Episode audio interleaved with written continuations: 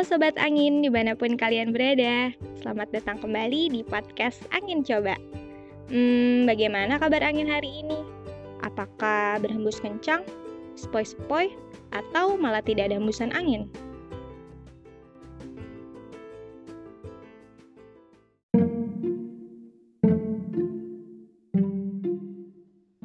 Selalu ada cerita di balik sebuah perjumpaan banyak yang berkesan, namun beberapa malah menyebalkan.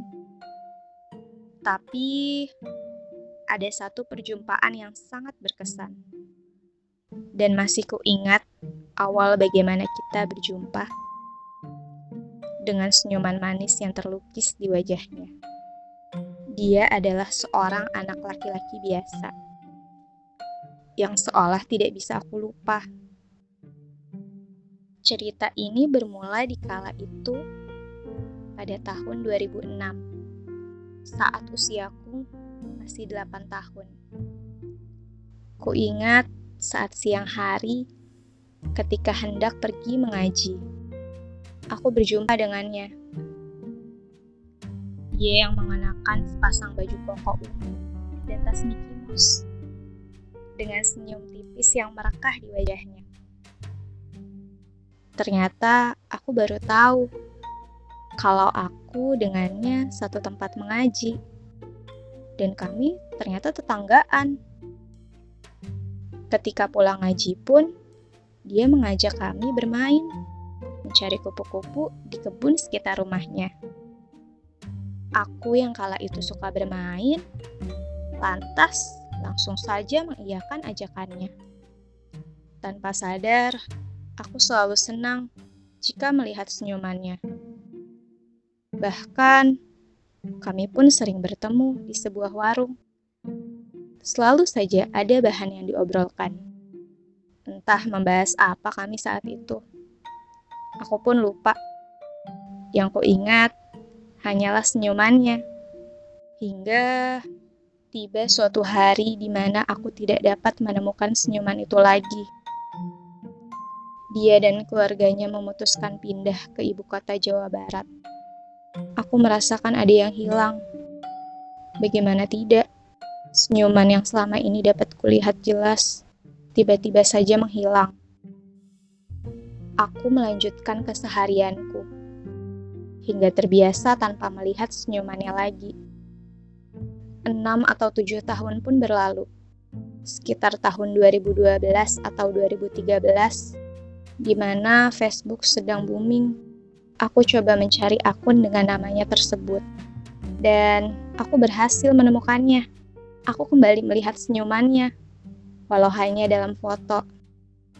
Aku ragu, haruskah aku menambahkannya menjadi teman? Atau aku hanya perlu diam-diam saja melihat fotonya.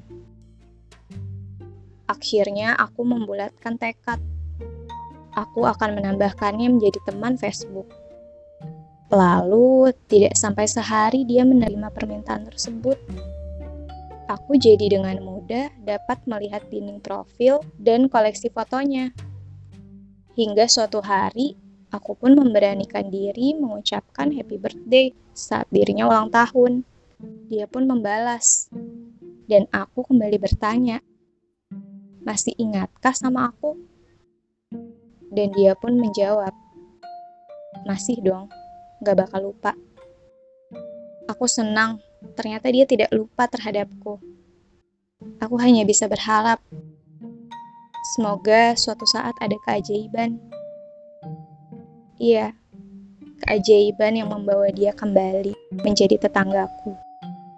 Dan harapanku pun ternyata menjadi kenyataan. Pada tahun 2016, Akhirnya, dia kembali lagi ke rumahnya dulu. Rumah tersebut memang tidak kosong, karena yang menempati adalah kakaknya yang sudah menikah. Jujur, diriku kaget dan rasanya tidak percaya. Kami bertemu kembali di sebuah warung, tempat kami mengobrol waktu kecil dulu. Dia bercerita bahwa dia telah diterima di universitas impiannya dan tempat kuliahnya pun tidak begitu jauh dari daerah rumah kami. Aku senang.